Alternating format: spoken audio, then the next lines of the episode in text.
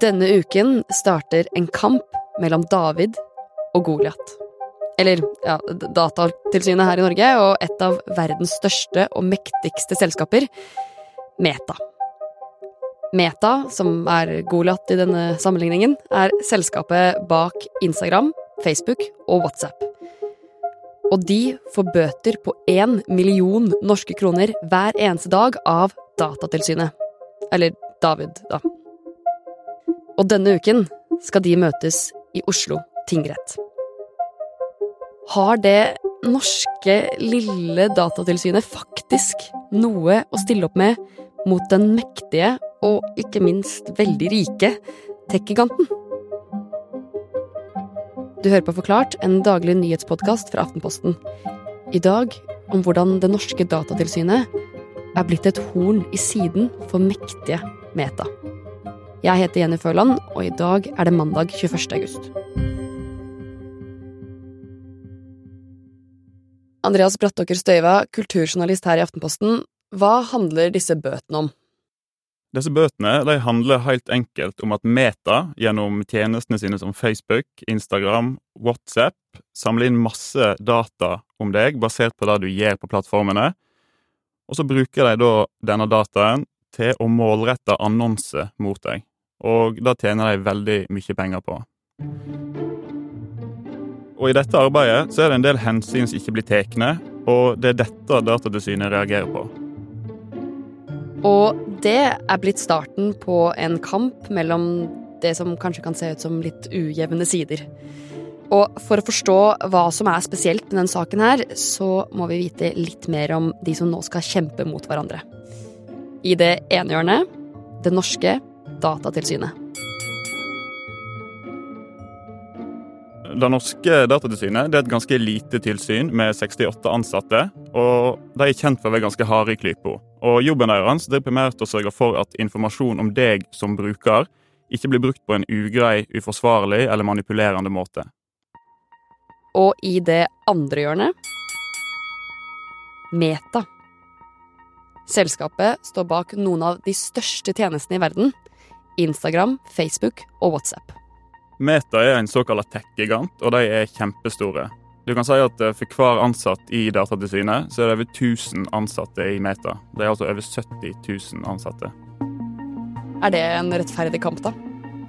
Uh, ja, kanskje. For det er jo ikke slik at de skal møtes til nevekamp. Da hadde jo Datatilsynet vært sjanseløse. Så tall ansatte det har ikke så mye å si. Men det er klart at Meta de har veldig masse ressurser de kan kaste på dette problemet. Men likevel har det norske datatilsynet greid å bite fra seg. I forrige uke så begynte de å gi Meta en million kroner i bot hver eneste dag.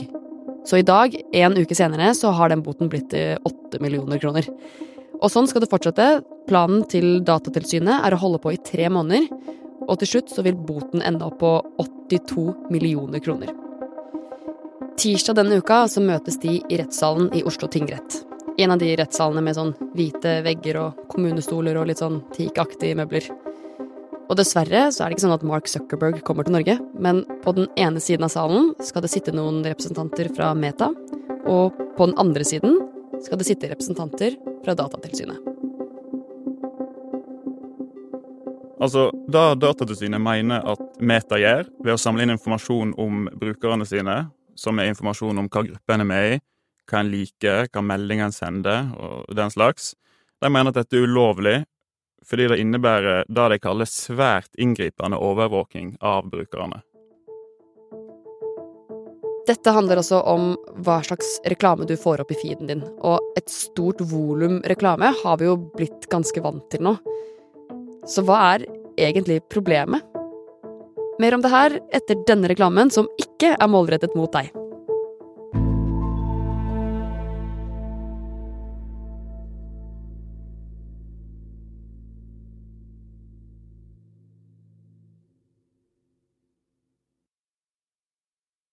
Som mange sikkert vet, så er det sånn at Facebook og Instagram tjener veldig mye penger på annonser.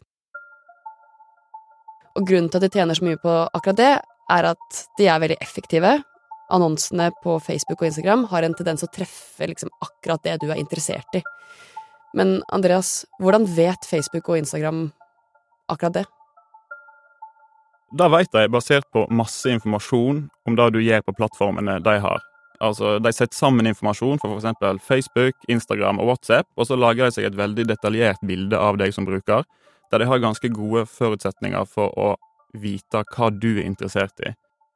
Og dette det er en praksis som gjerne blir kalt for overvåkningskapitalisme. Altså praksisen i å tjene veldig mye penger på å vite mest mulig om brukerne.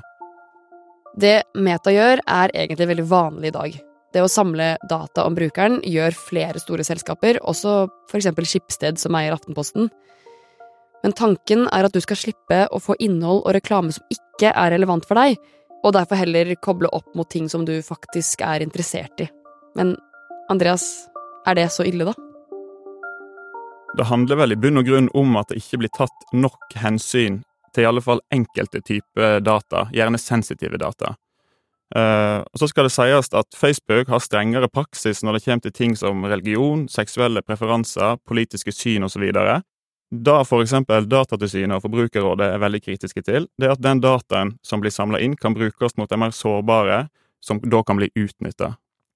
Uh, og dette handler da f.eks. om usikre unge mennesker som får opp innhold som kan gjøre dem enda mer usikre. F.eks. innhold om kosmetikk, trening, kosthold osv. Bakgrunnen for at det nå er noe Meta får bøter for, er en lov som ble innført i hele EU og her i Norge i 2018. Regulates the collection and processing of people's personal data within the EU. GDPR is a very important uh, law which says that, the, that you will have information about yourself. The EU will require all businesses to be compliant. Ja, Det er litt komplisert, og det kunne helt sikkert vært en helt egen forklart episode. Men bare la oss si at denne loven gjør at folk begynner å rette blikket mot selskaper som Meta. Og siden da har det irske datatilsynet behandlet klager på Meta. Eh, veldig mange av de store selskapene har de europeiske hovedkontorene sine i Irland. Det gjelder òg Meta. Og dette er delvis pga. skattereglene i Irland. Og dette gjør òg at det er det irske datatilsynet som tar imot flest av disse klagene. Først i desember i fjor konkluderte irene med at det Meta gjør, er ulovlig. Siden da har Meta gjort noen endringer, men ikke nok ifølge Datatilsynet og EU-domstolen. Da irene ga Meta beskjed om å gjøre endringer, sa de ikke at det måtte gjøres med en gang.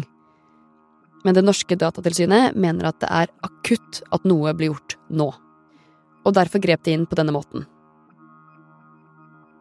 En annen ting som er spesielt her, er at den boten kan vokse til å bli mye større.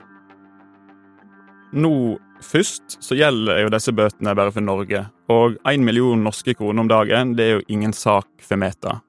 Men det er mulig at flere europeiske datatilsyn kan kaste seg på, og da blir det jo litt mer penger, selvsagt. Du kan tenke deg at uh, det tyske datatilsynet kaster seg på, så det italienske, så det spanske, så da blir det jo en del til slutt. Men det er jo uansett ikke pengene og bøtene som betyr noe for Meta her. Nei, for de millionene er lommerusk for et så stort selskap. Men likevel så har lille norske Datatilsynet gjort seg til en verdig motstander mot Meta. Denne uken så møtes de to i Oslo tingrett for å avgjøre om Meta skal betale bøtene eller ikke. Men Andreas, selv om bøtene i seg selv ikke betyr så mye for Meta, Hvorfor er dette her likevel et problem for dem? Altså, Det som svir for Meta her, det er jo at dersom de blir tvingt til å gjøre endringer på hvordan de driver med markedsføring, så må de få annonsørene sine til å forstå disse endringene, og det er krevende arbeid. Uh, og så er det jo absolutt en fare for at denne situasjonen og den endringsprosessen Meta mest sannsynlig skal gjennom, vil føre til usikkerhet blant disse annonsørene som bruker plattformene deres. Og, og det gjør at de kanskje heller vil ta med seg pengene til andre plasser, som forklart her i Aftenposten, for eksempel. Meta sliter egentlig allerede med at folk har lavere tillit til dem nå enn før. For de siste årene har de fått mye kritikk og havnet i flere store skandaler.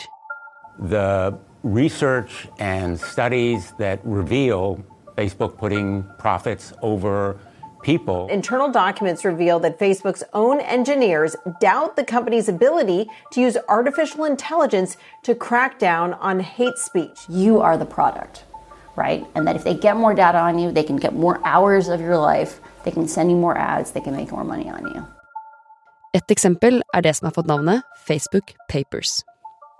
My name is Frances Haugen. I used to work at Facebook. I joined Facebook because I think Facebook has the potential to bring out the best in us.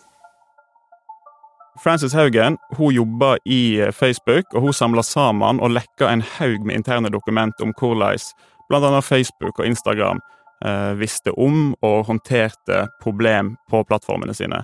Og noe av det som fikk mye merksemd eh, i forbindelse med den lekkasjen, det var at de hadde undersøkt hvordan Instagram påvirker unge brukere. Eh, og de fant ut at de ble påvirka ganske negativt, men så valgte de likevel ikke å dele dette med omverdenen. Ja, så det er flere ting som gjør at tilliten til Meta kanskje er litt lavere. Uh, kommer denne reklamepraksisen nå til å endre seg etter det her? Ja, om noen eh, måneder kanskje, så kommer det noen nye retningslinjer som gjør at det blir lettere for deg som bruker å ta informerte og tydelige valg på plattformene deres. Og eh, det Datatilsynet vil, det er at det skal være helt tydelig for folk hva de sier ja til, og hva de velger å dele med plattformene. Eh, Men det Meta vil, det er jo kun forholde seg til det irske datatilsynet, siden det er der de har sitt europeiske hovedkontor. Og det er altså derfor de nå møter det norske datatilsynet i retten i disse dager.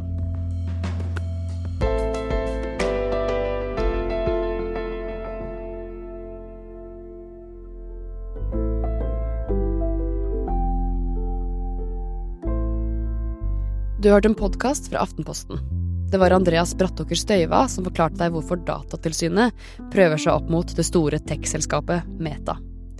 Martin Gundersen fra NRK Beta har hjulpet oss med research denne episoden. Og den er laget av Anders Weberg og meg, Jenny Førland. Resten av Forklart er Synne Søhol og Olav Eggesvik. Du har hørt lyd fra AP, CNN, CBS, CNBC og C-SPAN.